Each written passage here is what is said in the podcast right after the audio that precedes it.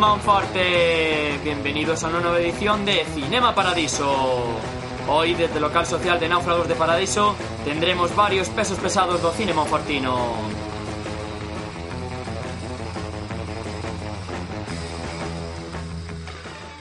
Contaremos con Alfredo Vázquez do Cineclube Monfortino a Calexa que vai camiño ao seu 20 aniversario. Entre outras actividades, este cineclube organiza mostras de cine anuais desde o ano 1999 Ampliando o horizonte cinéfilo da comarca. Jesús Vila, amante do cine en particular e da cultura en xeral Persoa catalizadora de diferentes iniciativas en Monforte no eido musical poético coa revista Amalgama, ademais de editor da Wikipedia.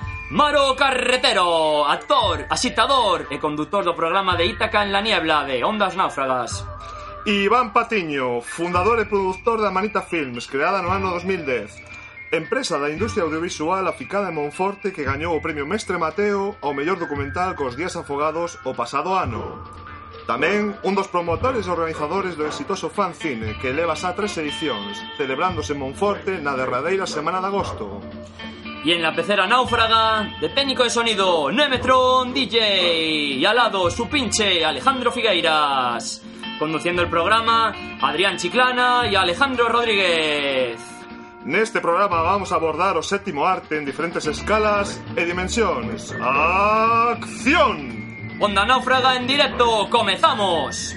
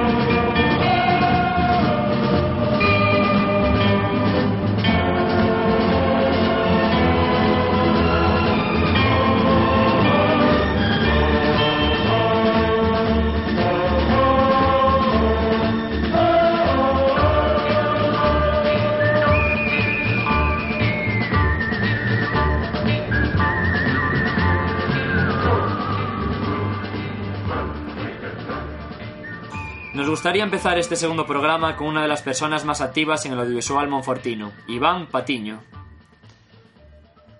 Boas tardes. Bueno, en riguroso directo conectamos con Iván Patiño. Riguroso directo, que tal, como estades? Pois moi ben. Neste programa, bueno, Onda, Onda Náufraga, Cinema Paradiso. Bueno, en primeiro lugar, felicitarvos polo vídeo da Feira Medieval que tivo tan boa acollida, que tivo que ten tan boa calidade, que está, bueno, Gracias. petándoa en redes sociais, que se está compartindo dende fai uns días, que o publicastedes na páxina de Facebook da Manita, e, bueno, sinceramente, sí. darlle os, os parabéns. Moitísimas gracias, de verdade. Eh... Moi ben recibidos. que, bueno, este vídeo tal, col, eh, colaborou bastante xente de Monforte, entre a música uh -huh. e, de, e de Fabio, non? Sí. Eh... Estos son un poco... Ah, bueno, perdona, sí, sí. No, sigue, sigue, sigue. Ah, que dicía que era como, eu creo que como triunvirato que co que sempre trato de traballar, uh -huh. que son Carlos Álvarez, que tamén de Monforte na montaxe, eh, Fabio na composición sonora, e eu pois co tema da dirección e da producción, non? E logo, pois bueno, normalmente veñen dos cámaras asturianos que completan aí os cinco para, bueno, para facer este tipo de vídeos, non? Uh -huh. Moi ben. Pois, eh, bueno, estes días enterámonos que a Manita agora pasou a chamarse a Manita Studio, non?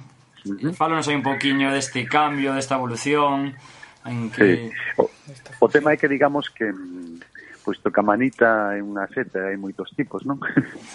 eh, pois digamos que temos temos como dous tipos de manitas, non? Unha que é a Manita Films, que é a que se dedica máis á parte audiovisual, películas, ficción e todo isto, e outra que é a Manita Studio, que, se va, eh, que bueno, leva, digamos, a, a parte de diseño web, identidade gráficas e tal, non? Cando un traballo sae por comunicación audiovisual, eh, chamamos a Manita Films, digamos, e cando sae por gráfica, pois a Manita Studio, a Manita? Studio. Uh -huh. É, digamos, unha ampliación, digamos. Bueno, recentemente foron foi ao certame dos premios Mestre Mateo do audiovisual sí. galego e queríamos te preguntar pola experiencia co documental, co premiado documental Os días afogados do ano pasado. Uh -huh. Como te sentiches? Que perspectivas tiveches? Contanos a túa experiencia. Bueno, a verdade é que eh, os Mestre Mateo chegaban chegaban despois de, de unha boa racha non do documental, xa habíamos gañado pois un premio en Chile, eh, outro tamén en Uruguai, o documental estaba a funcionar moi ben, non? Eh, e bueno, que supusen que para facer como unha especie de estrategia perfecta, pois había que presentar os días afogados en cine, en, perdón, en, nos Mestre Mateos, non? Porque porque xusto despois íbamos a sacala en cines, non? Entón, bueno, supoñía que podía ser unha boa forma de publicitala, tratar de estar nos Mestre Mateo, E claro, imaginade vos a sorpresa pois cando cando encima o gañamos, non? Axudou moitísimo a, a difusión no, en cines, que estivo, pois, bueno, en 10 salas gallegas, e tivo moi boa acollida. Os mestre Mateo son... Está moi ben para eso, non? Para, para dar tratar de dar visibilidade aos proxectos. Hmm. Despois Alfredo nos trae unha curiosidade que é o orixe de, do nome do Mestre Mateo. Escutaremos un oh. pouquiño. Ostra, non no, no, no sei, eu non sei, a verdade. Vou estar pois- atento pues, a ver que di Alfredo. Sí, sí. Está ben, non, non, non sei, non sei. Eh, bueno... Sí, é unha, é unha experiencia moi bonita, fascina con moitos nervios, non? Porque encima a categoría de mellor documental foi o penúltimo premio, polo tanto estás como toda gala en, nesa tensión ben digerida, non? Pero, pero ainda así é tensión, claro. Bueno, fálanos aí un poquinho de novos proxectos que estés uh -huh. aí pensando, planteando ou xa estés aí traballando arreo. Sí, acaban, bueno, acaban de sair as axudas a, a producción de cine do Agadic, Eh, bueno, presentamos presentámonos co primeiro proxecto, digamos, de longa metraxe xa de ficción, eh, bueno, ese é o proxecto gordo que toca agora, non? Tratar de levantar pois a primeira película de, de Amanita Films, eh, longametraxe xa con, bueno, tratando de volver a repetir así estrena en cines eh, e tratar de seguir dando aí, digamos, notoriedade. Tra chamase Zos, a película, é unha película que xa está confirmada no reparto o actor Morris eh, e Javier Rey, hai nivel un, aí. Un... É un salto, un salto sí, cualitativo e cuantitativo, sí, un salto. Sí, sí, sí, sí, xa era xa tiña moitas ganas de, de embarcarme no na, digamos, na, na peli e agora, pois, bueno, estaremos en estarei en diferentes mercados, non? San Sebastián, e algún destes máis para tratar de levantar o resto de financiación que me queda, non? Para levar a cabo o, proxecto e a ver que tal. Bueno, pues... Narra un pouco, narra un pouco, bueno, a historia de de un cuidador eh, solitario de, do Foga Madroa, en Vigo, Uh -huh. E, bueno, pasan de unha serie de circunstancias eh, catastróficas así vitais que lle axudan un pouco a ver as cousas de outra forma, non? Un pouco unha película pois intimista, moito de personaxe e a ver, a ver se o damos feito pouco como a vida mesma, non? Eh, totalmente, totalmente. Tes unha vida así, un, vas por un raíl, descarrilas e de repente atopaste completamente pois un pouco desnortado, Cor non? Correcto. Eso eso vai a ser Zos. Eh, tamén, bueno, a, o título xa fai esa especie de referencia eh, pois bueno, ao Zo da vida, non? E tratando de facer tamén pois eso con, con, con un Zo de verdade, non? hai varios, eso como dicías, varios camiños, varios zoos, varias vidas, entón, bueno, por aí irá a película, non? Joder, señal, pois... Eh, pois pues, moitísimas grazas por estar aquí en directo. Eh, moitísima, moitísima sorte, que é un placer. Eh, xa... Nada, placer é meu, rapaz. Xa repetiremos noutra ocasión. non, non, non dubidedes, aquí metedes e eh, nada, graciñas aos dous. Pois moitísimas grazas e... Eh... Moitas grazas polo teu tempo e moitísima sorte, de verdade. Nada, cando precisades, unha aperta. Veña, moitas apertas, hasta logo. Chao, chicos. Chao, chao. Chao. Bueno, e pasamos á tertulia cinéfila. Hoxe estaremos con Alfredo Vázquez, presidente do Cineclub A Calexa. Coméntanos un poquinho aí os 20 anos de historia do Cineclub A Calexa. Bueno, falar de 20 anos sería moi complicado en pouco tempo, pero así a grosso modo eh, empezamos no 97 eh, con unha xuntanza de xente moi variada en Monforte donde casi non había movimento social ni cultural e pensamos en formar un cineclub e había moita xente desde periodistas a xente dedicada un poquinho á cultura eh, xente normal, aficionados, cinéfilos, un pouco de todo. E empezamos a andar as con, con proyeccións semanais na aula de cultura, e despois pasamos ao Cine Lemos, o Cine Lemos o pecharon, entonces pasamos aos multicines, e desde entonces estamos nos multicines. Eh, tuvemos a primeira época que foron uns 10 anos de proyeccións mensuais, aparte a mostra tamén, e despois xa por dificultades económicas, por evolución do cine, por moitas cousas, sobre todo económicas, pasamos a proyectar solamente pois, o que é a mostra de cine e a cooperacións puntuais, eventos puntuais, estreas puntuais de xente que traballa en Monforte, que produce, realiza, dirixe Monforte, non? E, e agora estamos pois preparando a mostra para novembro e pensando nunha idea para complementar a mostra que xa temos máis ou menos e que vamos a empezar a, a lanzar e que xa avisaremos, non? Ten boa pinta esa iniciativa. E bueno, sempre tivo a mostra de cine sempre tivo tanto éxito como as estas últimas edicións, que o cine está prácticamente cheo. Ademais en días laborais, que é un pouco máis complicado, non? Claro. Nos empezamos eh, cando pasamos ao cine, porque antes estábamos no formato de aula de cultura semanalmente, Cando pasamos a formato cine no Teatro Lemos eh, que non se entere moita xente eh, a primeira proyección que fixemos foi Reservoir 2 eh, me parece que éramos 12 personas eh, entonces decidimos non podemos dar cine excesivamente mm, digamos non independente pero salido do comercial nin podemos dar cine comercial porque é o cine que pode ver todo o mundo non? entonces aí empezou a nosa dificultade que ao principio non era tanta porque había bastante produción donde poder elixir. Pasamos a multicines Hollywood e ali pues, pasamos creo que foron pff, non sei, máis de 300 películas 400, son 6 xa. Bueno, un número. Entonces, aí sí que podíamos escoller porque a produción era abundante e boa.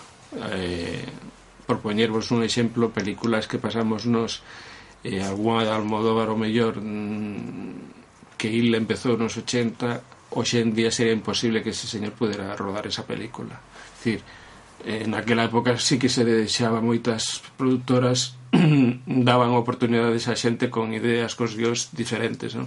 hoxe en día o mercado está copado por as maios está copado por a produción norteamericana eh, entón a xente que, que quere traballar o cine con ideas propias, con ideas novas teno como moi moi difícil e eso tamén fai que sea difícil que o cineclub poda pasar ese tipo de películas que, por decir algo, o último mostra o máis arriscado que pasamos foi a que ganou os Goya que foi unha tarde para a ira que foi unha película que tuvo un recorrido comercial de unha semana e media e ganou os Goya que decir, é moi difícil que se dé isto hoxe en día, non?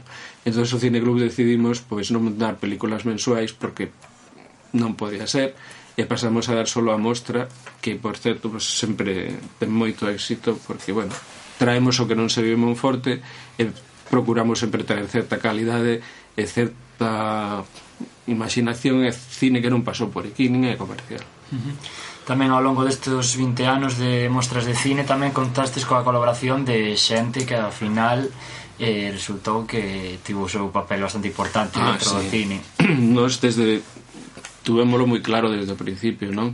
Intentar apoiar a, a, a xente que en Monforte empezara a producir, realizar, facer cousas dentro do cine fora pouco, fora moito, non? O primeiro foi Héctor Díez, que conqueriu un premio por actriz no seu primeiro documental, E, e bueno, a partir de aí despois de uns anos, pois empezou xa Lois Patiño, Iván Patiño despois xa Paulino e Ana eh, Alejandro decir, deixome moita xente, sí. Mario Roldán quero decir, son moitos, no? ano pasado sí. fixemos un intento de xuntarlos ca casi todos sí, temos bueno. unha boa escola aquí en Monforte de cine. sí, sí, os periódicos titularon pero hai unha escola de cine en Monforte, pois pues sí, casi hai verdad, porque hai sonidistas hai actores, hai de todo quero decir O malo, claro, son os cartos, non? Que, que produce tanto.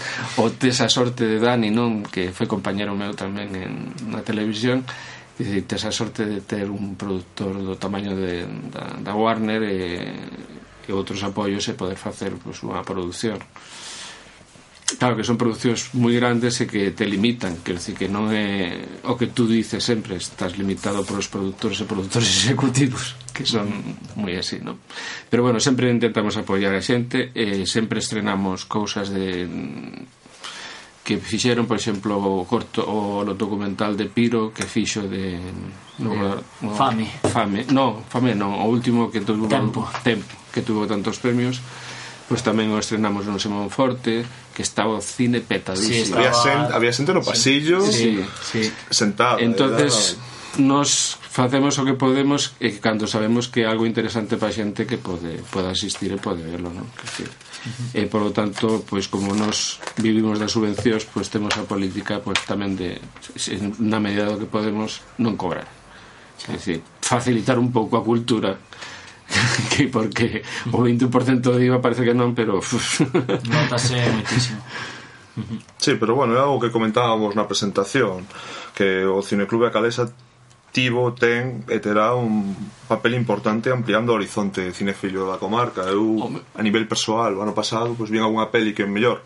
Sí. Pois non, pois non lle din a oportunidade, unha tarde para ir a foi unha desas, encantoume. Uh -huh debeme unha moi grata sorpresa. Se non fose por estas oportunidades, claro, serían claro, claro. pelis que seguramente pasarían ao olvido. Imagínate que non a ves e despois dice, ganou vaya tal película que é qué película. Sí, sí, sí, sí.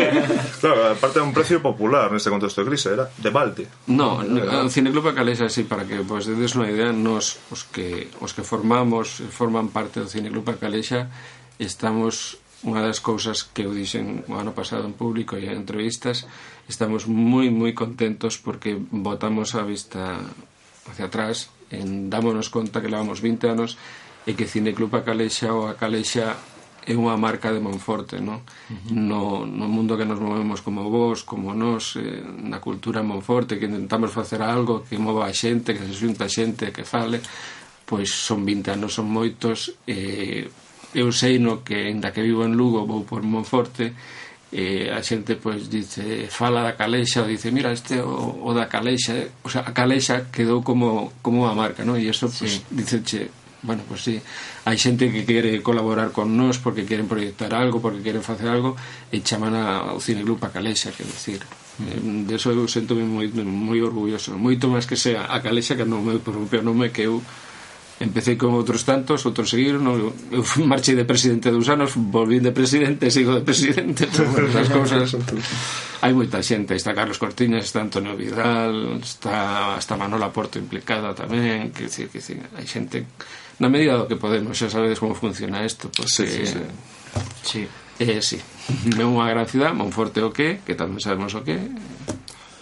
Nestes 20 anos seguramente tamén asa houber algunha anécdota, peripecia, que, bueno, que se poda contar, claro, que se poda contar, nada. Vote, vote contar a peripecia máis contada do Cineclub Pacalexa, que na cena que tuvimos o ano pasado que xuntamos os os fundadores de Cineclub Pacalexa, que os xuntamos a todos e xuntamos tamén os rapaces que, que intentamos facer homenaxe e fixemos un océano e a mitad na cea o José Luis Montero el coleccionista de postres e de muchas máis cosas sí. é membro de Cineclub Calexa desde o principio casi pois sempre ten que tocar as narizas o presidente de Cineclub Acalesia ¿no? e foi cando se pechou o Teatro Lemos eh, fixemos un homenaxe ao, ao señor que pechaba o cine que, bueno, non é que o merecera por pechar o cine pero, sí, pero bueno. O homenaxe era por telo aberto non? Por haberlo tido aberto. Pero bueno, fixémoslo para quedar ben e tal. Entonces estuvimos debatindo unha tarde inteira que película pasábamos.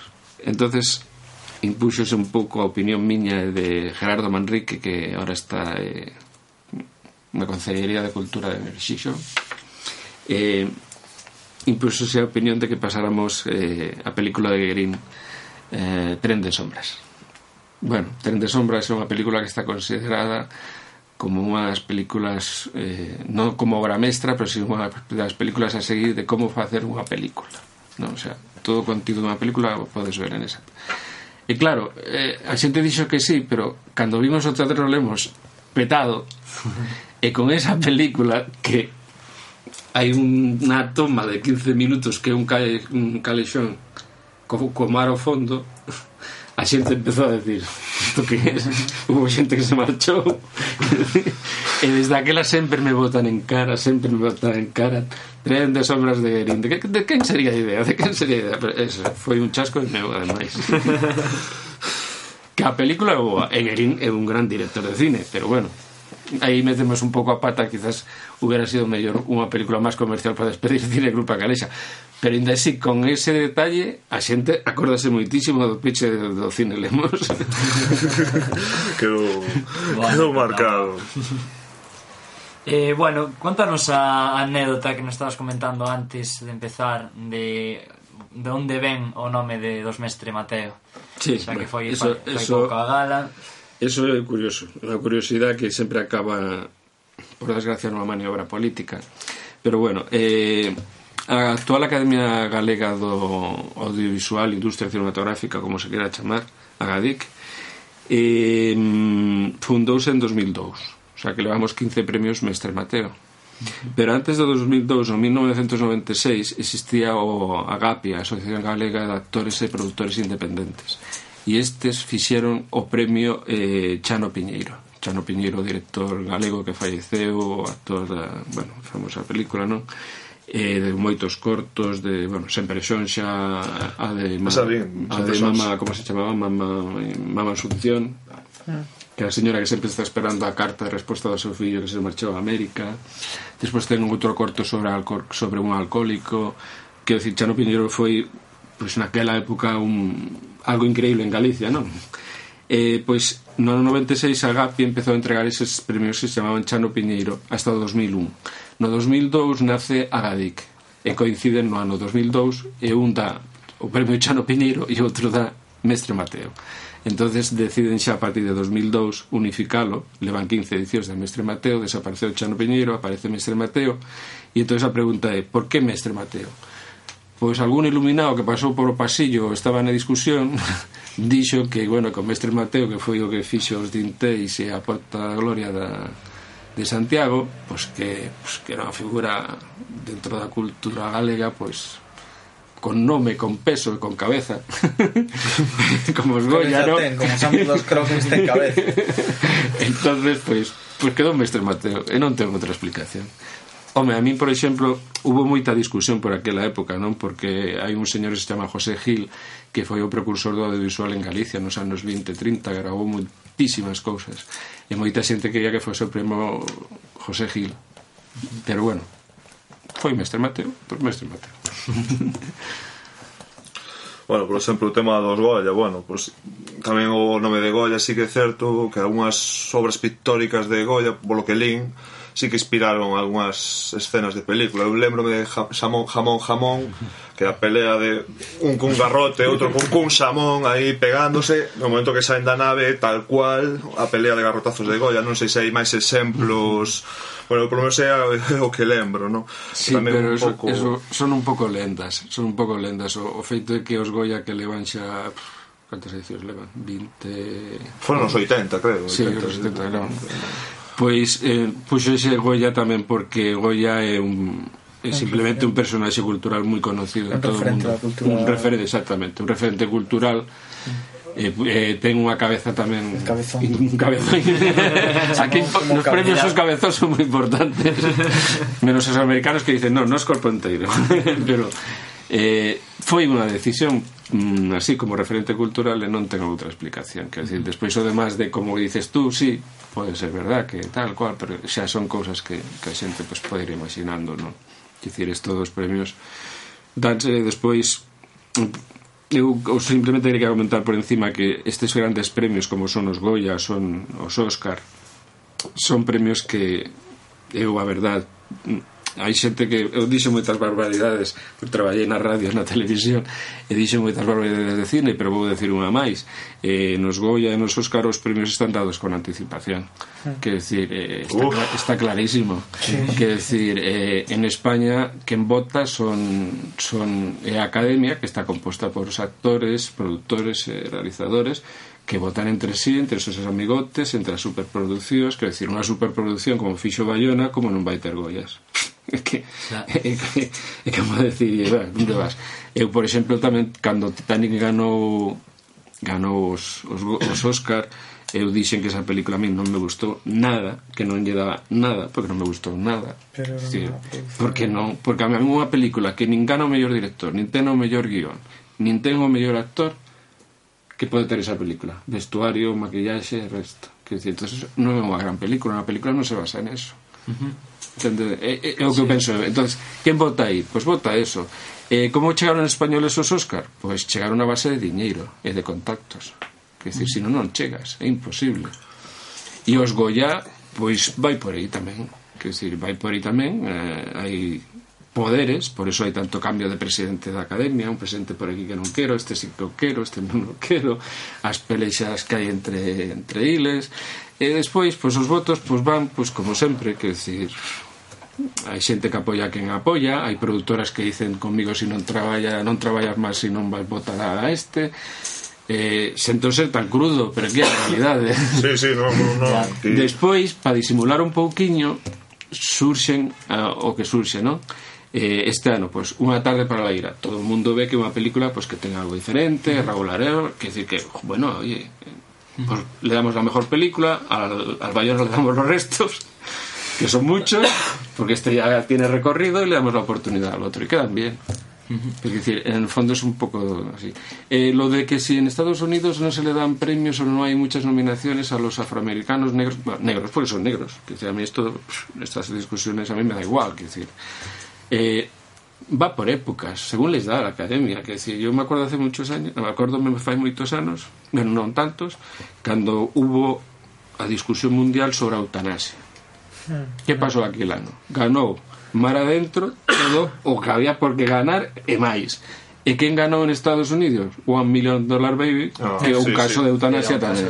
Sí. Que dicir, houve outro caso de racismo no que ganaron un Oscar Denzel Washington actriz non sei como se chamaba, tamén era de color eh, e, e unha película que foi, me parece que foi a de mm, o que fai Denzel Washington de policía contra a droga eh, Training Day Training Day, Training exactamente Day. Esa no, foron todos negros mm. que dicir Marlon Brando sacou unha India protestando porque que, que dicir, o honorífico sin ni ademais. tamén. Esa, exactamente. Que decir, eh, os, é que, vamos ver, eh, en, en, nos Oscar é un reflexo tremendo da sociedade norteamericana, pero tremendo. Que decir, na sociedade norteamericana existe racismo, sigue existindo Bueno, un gran racismo. Trump as eleccións. Bueno, por aí. Pero, quero decir, América profunda. Eh, Bueno, claro, profunda. eh, decir, tú, por ejemplo, eu outro día pensando Woody Allen, que Woody Allen dentro do que cabe un director respetado, un director con ideas, un director que incluso se atreve a, a polemizar, nunca tuvo un protagonista negro. Nin ten casi nunca actores negros. Por qué? Que decir, é que te pones a buscar eh, hai moitas películas o sea, aparte de Denzel Washington últimamente o Cuba Junior que actores hai que salen nas películas como protagonistas? Non hai. Moi pouco. Moi pouco. Dicir, entón, quen queres meter aí? Por quedar ben meter a Halle Berry, que, que sí, que é moi guapa e tal e cual, pero como actriz pff, non chega para quedar ben. Entón, o, o problema podría estar un pouco máis de base, non? Que claro. os castings xa teñen unha xa, barreira... Claro, porque existe o racismo en Estados claro, Unidos. Claro Ese racismo chega a gala dos, do- dos Óscar, evidentemente. Que se quere Na gala dos Óscar os mellores camareiros son todos negros. Non te digo que non. Pero os que van ser premiados, non. No caso de Woody Allen, no caso de Woody Allen, eu creo tamén que que Bueno, sale un negro, que, sí, ir vestido de, no, de, de, non, de negro. Non eso, non eso, eso, é que é que él sempre fala un pouco de si sí mesmo nas películas, é dicir, cando Woody Allen deixa de protagonizar as películas, sempre pon a un tío que está facendo de Woody Allen. Sí, realmente. claro, pero das... claro, non vai ser negro, porque pero entonces, ese tío é Woody Allen. Entonces, claro. Woody Allen que é unha mostra representativa do, da, da sociedade, digamos, media, sí. media alta, eh, estadounidense ou neoyorquina, está claro que o negro non pinta nada nesa sociedade, según Woody Allen. Sí, claro. Pero, claro. pero, pero, pero bueno, Porque na película, na película na que el sale de espermatozoide negro, sí. Hostia. y, y él dices, de ¿tú qué, ¿tú qué haces aquí? Como diciendo, ¿tú qué haces aquí? Que decir, máis claro a auga, non? Que decir, que decir, O racismo existiu e existe. E ve, e si queres o ves, e si queres pechar os ollos, pois pues non o ves. E listo, é que o que hai. E sento ser du duro, creo que son realistas quer dicir. Eu con isto intento que a xente pois pues, despois vexa que que bueno, que sí que hai que hai negros moi guapetones que salen nas películas que de reparto, pero es que es eso, e o cine aparte Woody Allen onde incide moito en o, nas contradicións no, do, do xudaísmo, no? que, Tamén. que o xudío e tal. E aparte que a propia a propia academia En Estados Unidos eh, se nota moitísimo o lobby xudeu, pero dunha maneira dende que Spielberg fixo Múnich non se volveu non volveu ter unha nominación seria, digamos, a aos Oscar Spielberg. Sí, non, non e, e Woody Allen, e Woody Allen como é, como é como pasaba de recollelos pois xa para que llevamos dar ¿no? está decir, é que está claro Óscar é o claro exemplo de que son uns premios que están xa vendidos e que son un reflexo total claro da, da América profunda que decías ti Eh, que decir, pelic hai películas que sí que falan do racismo porque Spike Lee, o director de negro fixo moi boas películas e explicando o porqué das problemáticas non só cos, cos negros, sino cos italianos, cos restaurante aquel italiano famoso na película, non me acordo agora como se chamaba, é dicir, que, que explica moi ben todo eso, pero é un director negro. Uh -huh. Entonces, claro, uff, eh, e os actores, pois, pues, que te vou contar? Que decir, para que un actor negro, pois pues, hai, bueno, hai outro tamén este que ten a cara medio rara o que fixo de El último rei escocés. Eh, Ah, no, el último Rey de Escocia, muy buena peli. Ay, eh, non me Forrest. Whitaker. Forrest Whitaker, é outro, no é outro que empezou en cine independente eh, escalou, escalou, pero claro, tamén se... Gracias a la cienciología, entre outras cosas. Bueno, esa, ese outro tema tamén de quen está metido na cienciología e quen non está metido. Eh. Claro. Quero decir, eh, o tema de, de poderes no cine norteamericano chegou a un punto, como dice aquí moi ben, de tema religioso sí, sí, con sí, cartos, sí. claro, evidentemente. Que tamén hai outro tema. Son auténticos lobbies. Quer decir, Sí, sí, que, que sí. En España non chegamos a eso porque non temos esa industria cinematográfica tan potente, eh, eh, 80, 80% dos, dos actores non teñen traballo, eh, non hai industria, non hai grandes produtoras, pero a hora de dar premios sí que hai poderes. Eu podo vos contar un caso personal Eh, eu estuve en, como xurado no Festival de Bogotá de Cine Internacional eh, que coincidimos sete españoles elí. Estaba o, director catalán xa non me acordo o nome. Non me acordo. Eh, o de Vicario do Lot como se chamaba non me acordo. Bueno, igual. Estaba González Sinde que foi mi, ministra de Cultura. Ah, sí, sí, Ley Sinde, ¿sabes? estaba el bailador este el bailador este español el Rafael Amargo una persona encantadora persona es encantadora. Y nos invitaron al consulado español bueno yo de verdad escuchar hablar de cine a González Sinde era mira non sei porque xa non está en xa non está Na primeira ni, línea. ni, ni en primeira línea nada, pero patético, decir, patético, decir, unha señora así que representa cine español e que teña narices de decir que la é alguén no cine É decir, no cine español pasa algo moi malo. moi malo. Aí está toda a xente que está fuxindo, non? Eh, exactamente. Hai moita xente que eh, que está fuxindo de está fuxindo ¿eh? non do cine español. O sea, non do cine que se realiza en España, sino en busca de oportunidades de que as súas ideas sean vistas en outros lugar. Hai un exemplo moi claro de, además, era un rapaz que coñecía, Jaume Acullet Serra. Ese rapaz aquí fixo dúas, tres cousas, pero non, non lle facían caso digo gustaba a ciencia ficción ou terror, digo, marcho a Estados Unidos. Fixo eh, o Museo de Cera, me parece, ou algo así, a Casa de Cera, uh -huh. e a ah, partir sí. de aí non paro de rodar películas de terror.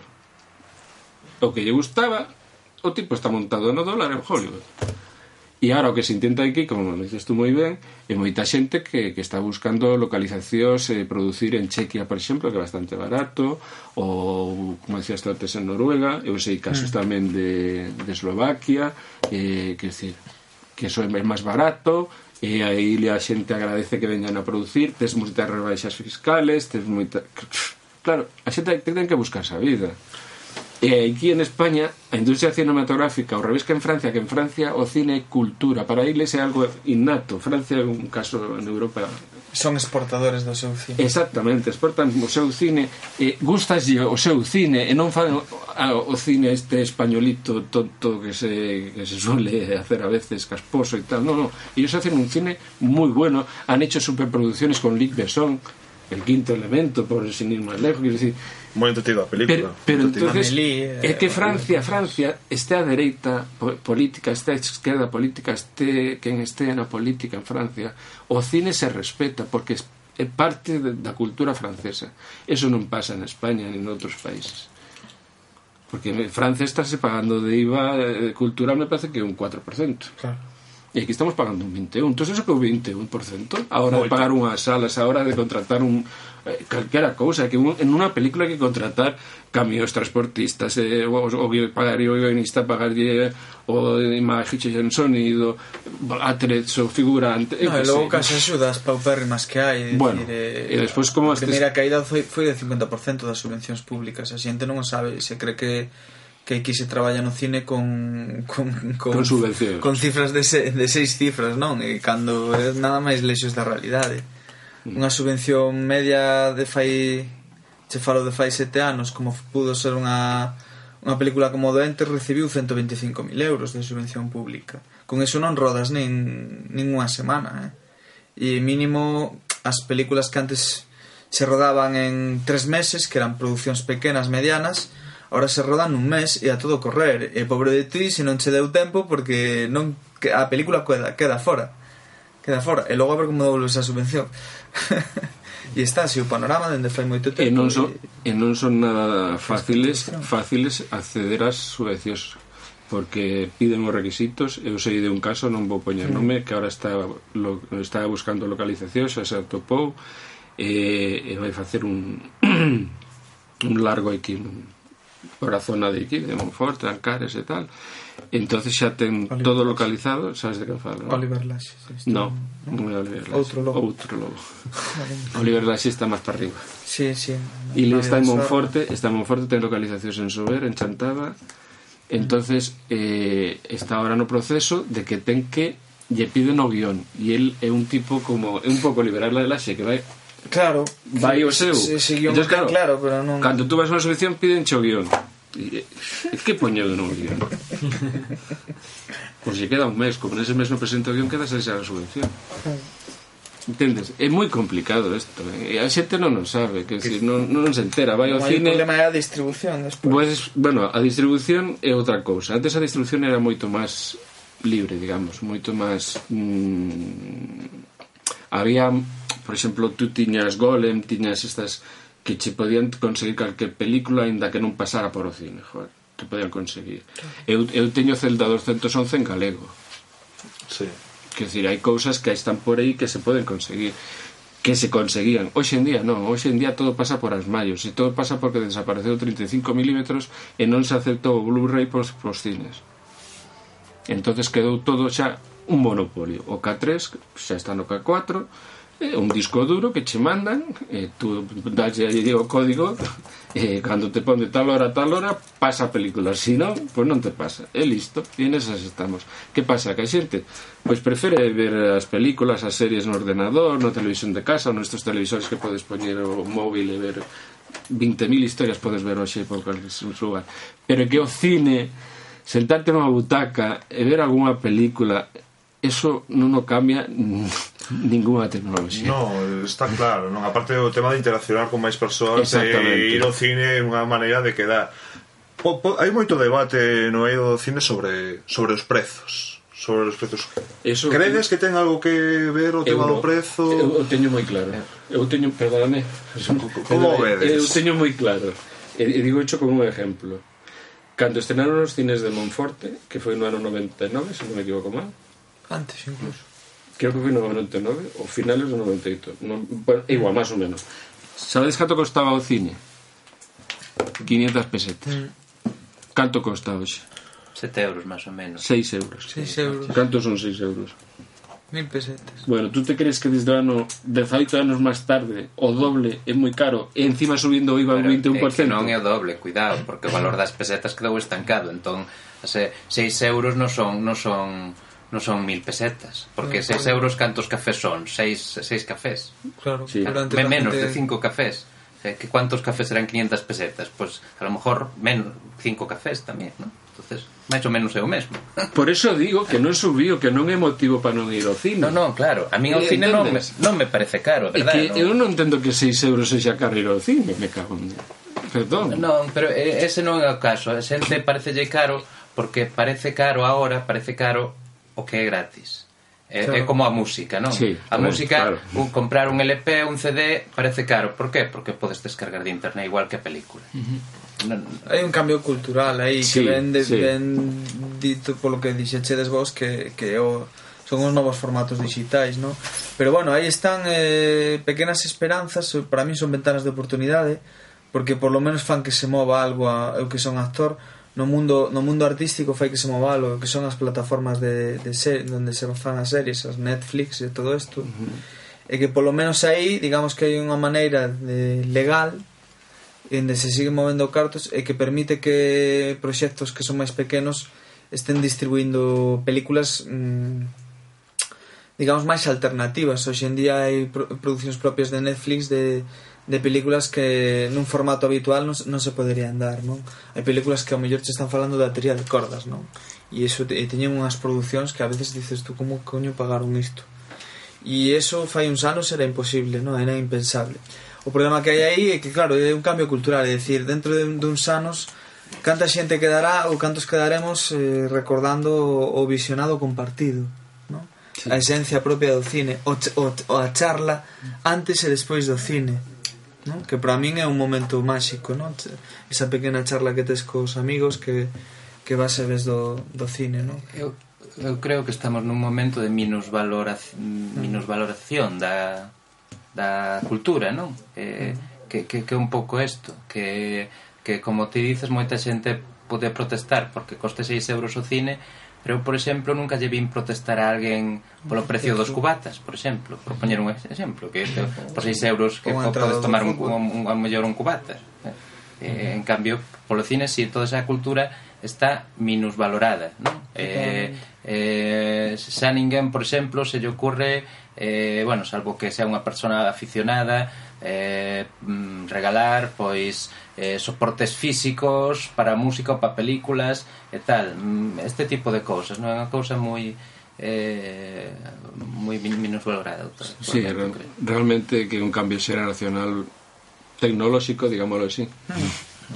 Eh, que é unha imposición tamén E que é moi difícil contrarrestar non? Eu outro día eh, leí unha entrevista a Bayona que non é que sexa un director preferido por min, pero bueno, eh, moi sensato ele, porque é unha persona bastante sensata e dixo claramente que, que o cine e o seu cine intenta ser comercial e ben feito que o que gusta.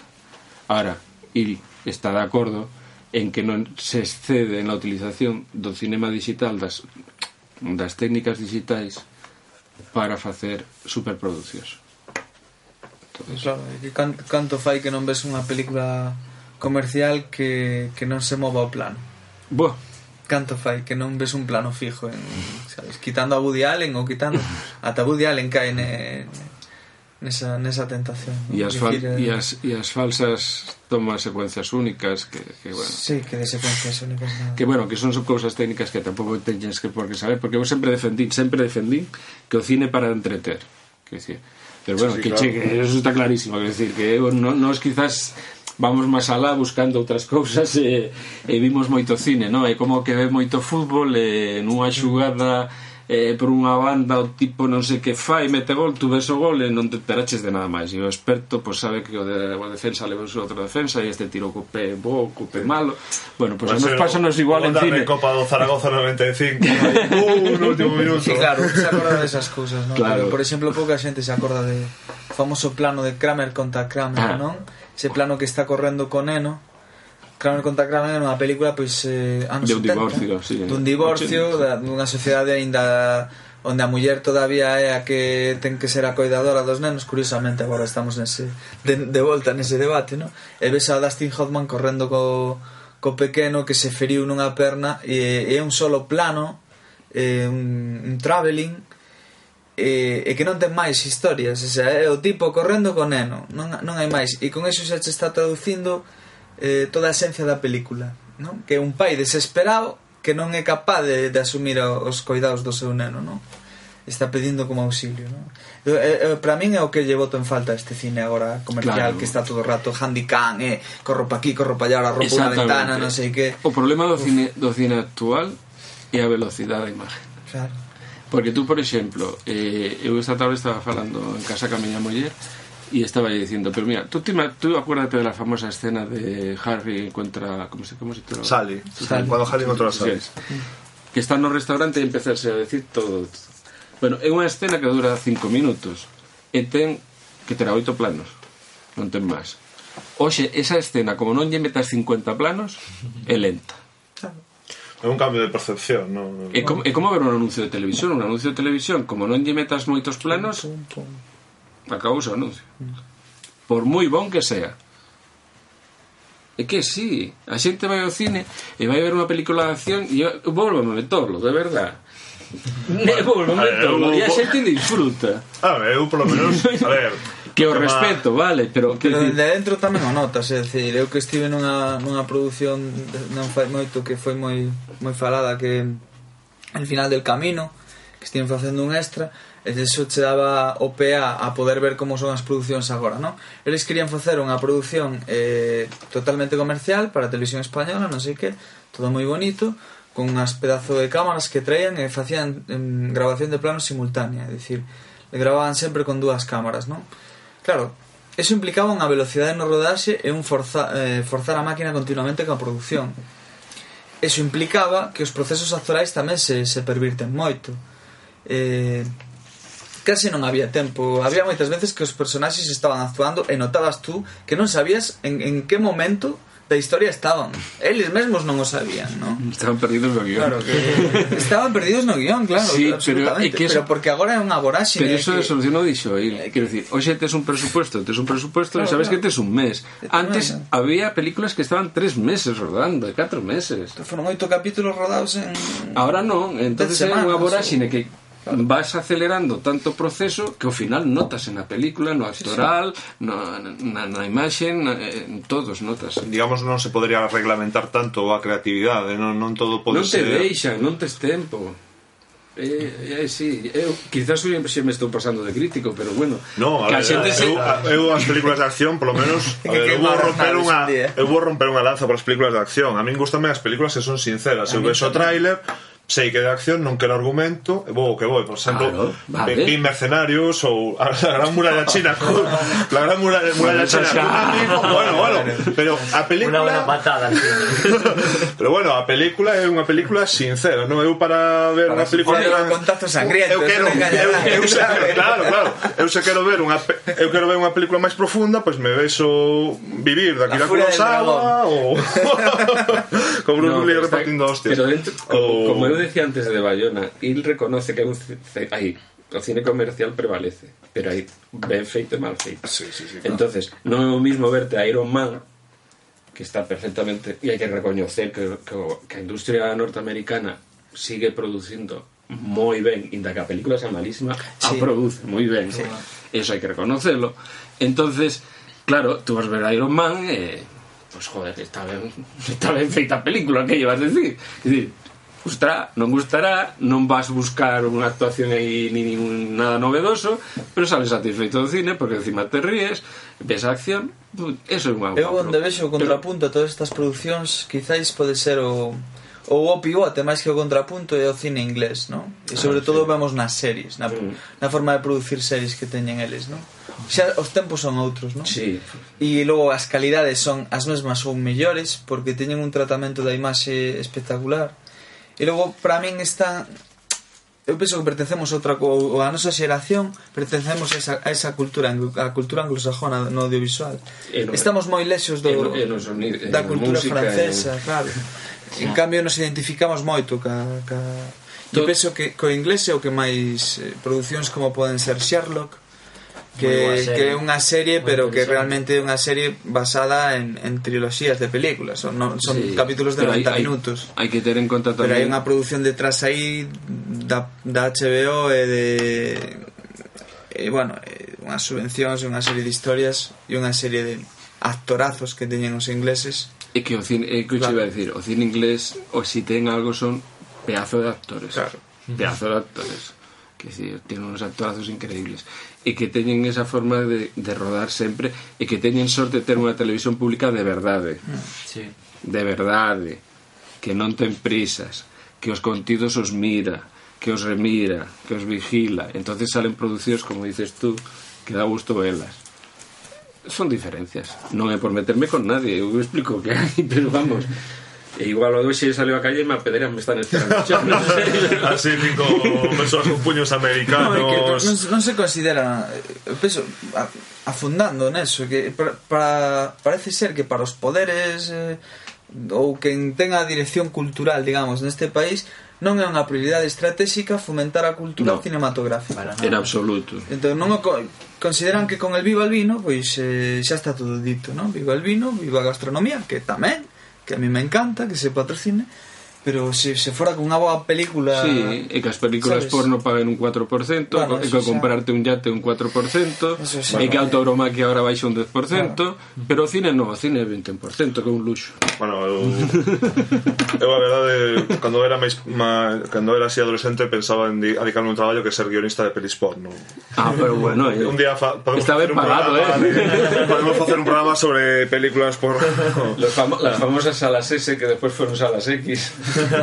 en Monforte non sei se acordades que se poñía unha peli porno no Teatro Lemos polas festas patronais. Acordades? acordades sí. No, no, no. Sí, como, sí, como, sí. Que, que, polas festas patronais sí. o Teatro Lemos prote, pro, programaba unha película porno. Bueno, sí, pero, porno puxo Manuel Bueno, eh, eu, eu acordo Cine erótico eh, eh Cine erótico eh, Bueno, eh, eh, eu acordo de ir a ver unha Que por certo non salimos a mitade Que era, que era unha película de, de, de billar, non? Eh, bueno, eh, que, co cal se pode imaginar onde acababan os tacos.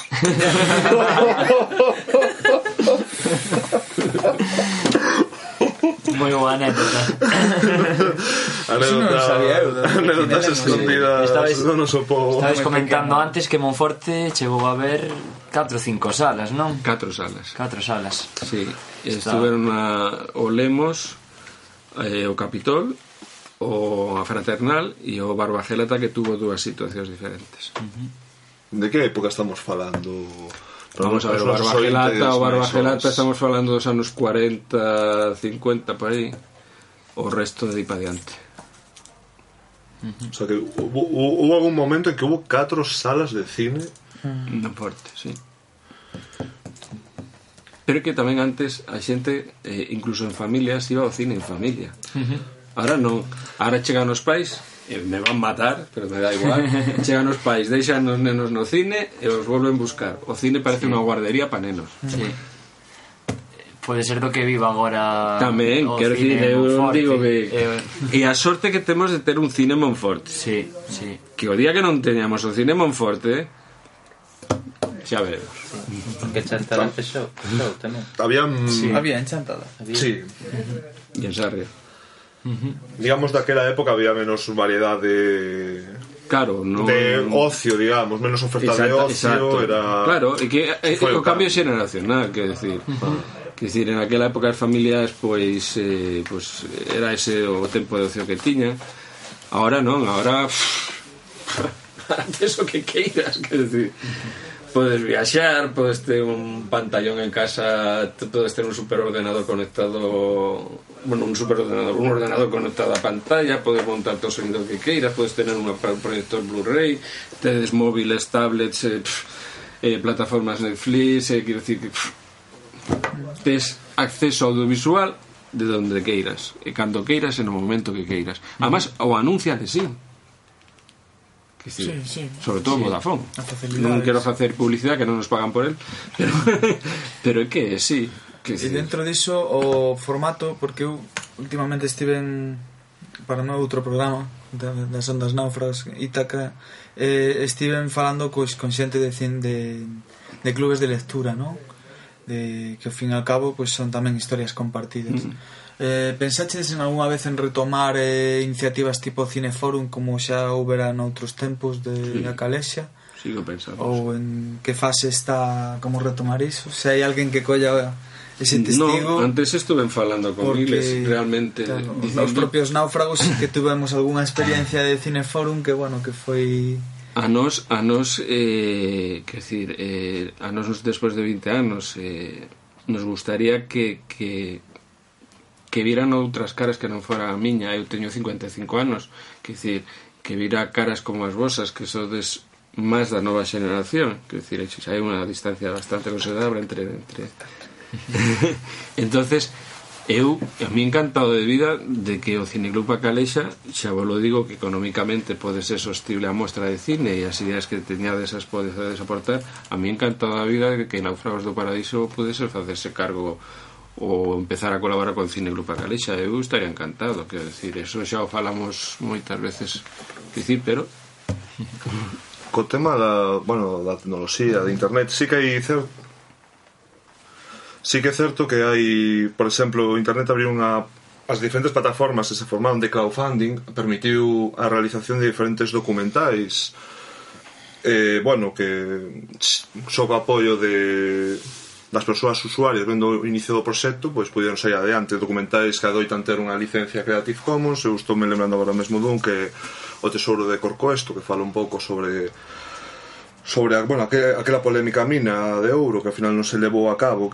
Vedes unha oportunidade aí para digamos a xente que quera comezar pois no crowdfunding nestas plataformas que quera comezar e xente o crowdfunding pode axudarte a facer eh, pequenas pequenas cousas que tú teñas na cabeza poden che axudar a realizalas. Pero con o crowdfunding realmente non te vai dar cartos suficientes para facer algo que aporte que podas levar a algún sitio que, que se xa reconocido como decía Iván ¿no? a idea de chegar a uns mestre Mateo ou a algún festival e que che premien a base de crowdfunding é difícil. Además, agora, antes falábamos tamén que existen as webseries que xa encima hai webseries e ben cutres. E algunhas moi cutres, outras non tanto. Hai un festival de webseries en Carballiño que xa leva tres anos funcionando. Que decir, isto vai evolucionando cada día máis eh, e nós o que intentamos é seguir proyectando. Cineclub Bacalexa sempre vai seguir proyectando en pantalla de cine mentras haya un cine e punto pelota. E eh, defenderemos o cine sempre. E que é unha cultura e que é unha maneira de entretenimento é unha maneira de xuntanza é unha maneira de... é cultura como é ler libros e xuntarse e comentar e oye, pois pues este libro a mí me ha parecido unha tal que decir, eu teño películas que teño salido da película e decir teño que volver vela porque non sei, non pode ser eh, ou discutila con un amigo e eh, cousas así decir, eso non se pode perder eh, e a sensación de estar nunha sala de cine nun pantallón.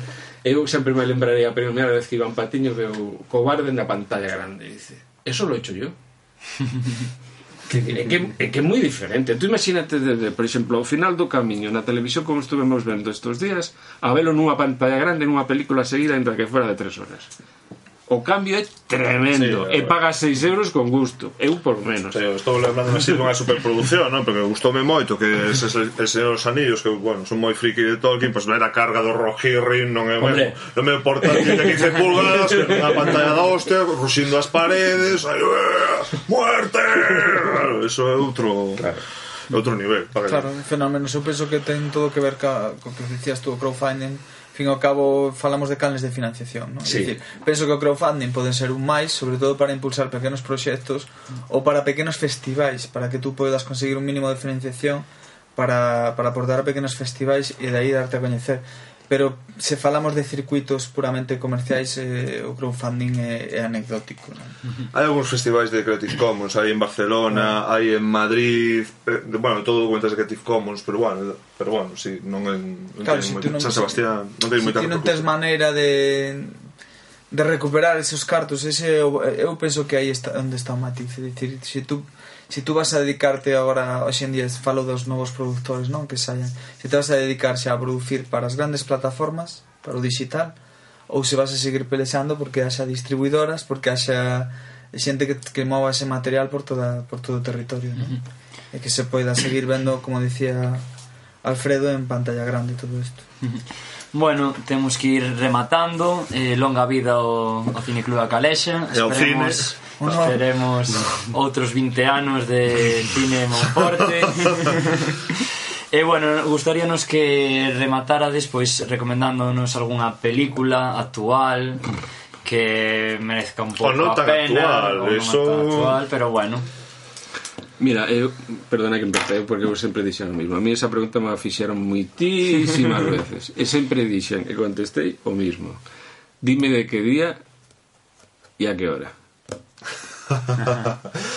é sí. que Creo eu non, te, eu non teño película favorita ¿eh? Eu podo sí. salir un, un día do cine pff, Dicindo hostia. Recomendarías Moonlight ah. A ganadora do Oscar Sí, claro, ¿por qué no? Sí, uh -huh. claro que la recomendaría. E La La Land? No. eu desde que vin... Bueno, desde que coñecín a trayectoria de Bob Foss eh, vin All That Jazz, eh, eu creo que soy insuperable xa. É a miña opinión. Jesús? Sí, pois eu xa estábamos falando antes de uh, Capitán Fantastic, no? Oh, maravilloso. Esa, eh, maravilloso. Esa peli impresionoume bastante. Bueno. Eh, eu creo que sobre todo que mm, que encerra un, un debate mm, ou unha reflexión interesante que é a da educación, no? Eh, este, bueno, basicamente na película o protagonista eh, aparta os seus fillos da educación convencional para darlles unha educación pois máis humanista, non? Máis cultural, eh, e tal. Bueno, eh, o primeiro punto é que quizás a educación, a educación oficial que se dá aos nosos fillos nas escoas, pois é unha educación bastante materialista, bastante pouco humanista e bastante eh, corta en, en valores culturais que ao final quizá é, é o máis importante dunha, dunha educación, quizás, ou, un, ou polo menos uns dos pilares máis importantes, non? Bueno, de, isto é un, unha reflexión que aporta a película. Despois remata tamén, eu creo, facendo unha reflexión a favor dese tipo de educación que é a socialización. É dicir, se ti as fastas os teus seus fillos da educación convencional, pois vanse volver, entre comillas, unhos bichos raros, porque non interactúan co resto dos, resto do, dos chavales. Eu, esta fon, a grandes rasgos, as dúas conclusións que saquei da peli, pero é sobre todo unha peli que te fai pensar e que además é entretenida, unha peli Moito. que, que é moi entretenida, que é divertida de ver, e bueno, pois eso é o que o que saquei eu. Que a ti que te pareceu? A mí tamén gustoume moito, tamén toca moitos paus. É, é, é curiosa esa película, non? Porque hai momentos minuto, non sei, 30 que botas a rir, a rachar. Unha escena mellor feita moita gracia tamén pode ser entrañable. Logo cinco minutos despois pode haber un momento máis hmm. unha armonía entre esa seriedade unha como a vida mesma, nunca a veces ten esos momentos de drama e outros momentos de pouco máis bastante felices. Tamén toca moito o tema da sociedade de consumo, da saúde, da ecoloxía, das alternativas. Da, da, esa, esa película ten unha filosofía, toca bastantes paus, a verdade. Poderíase falar bastante dela. E Amaro? Pois eu, claro, depende, como dicía Alfredo, porque hai tantas películas que me teñen tocado e me seguirán tocando. Para min hai, hai un clásico para o que se queira meter en, en berenjenales, que se queira meter na historia do cine eh, e, e moitas cousas que eu vexo hoxe na actualidade. Para min 900 é un clásico do cine que que fala moi ben de, do que é a loita de clases, non? É unha película longa, eh? pero que sin embargo ten uns ritmos eh, e que cada secuencia realmente recrea unha pequena historia do que do que é a loita de o conflicto de clases E despois, a raíz do que estaba falando, tamén hai, hai que sei, hai películas, eh, porque eu me vou moito as temáticas sociais, non?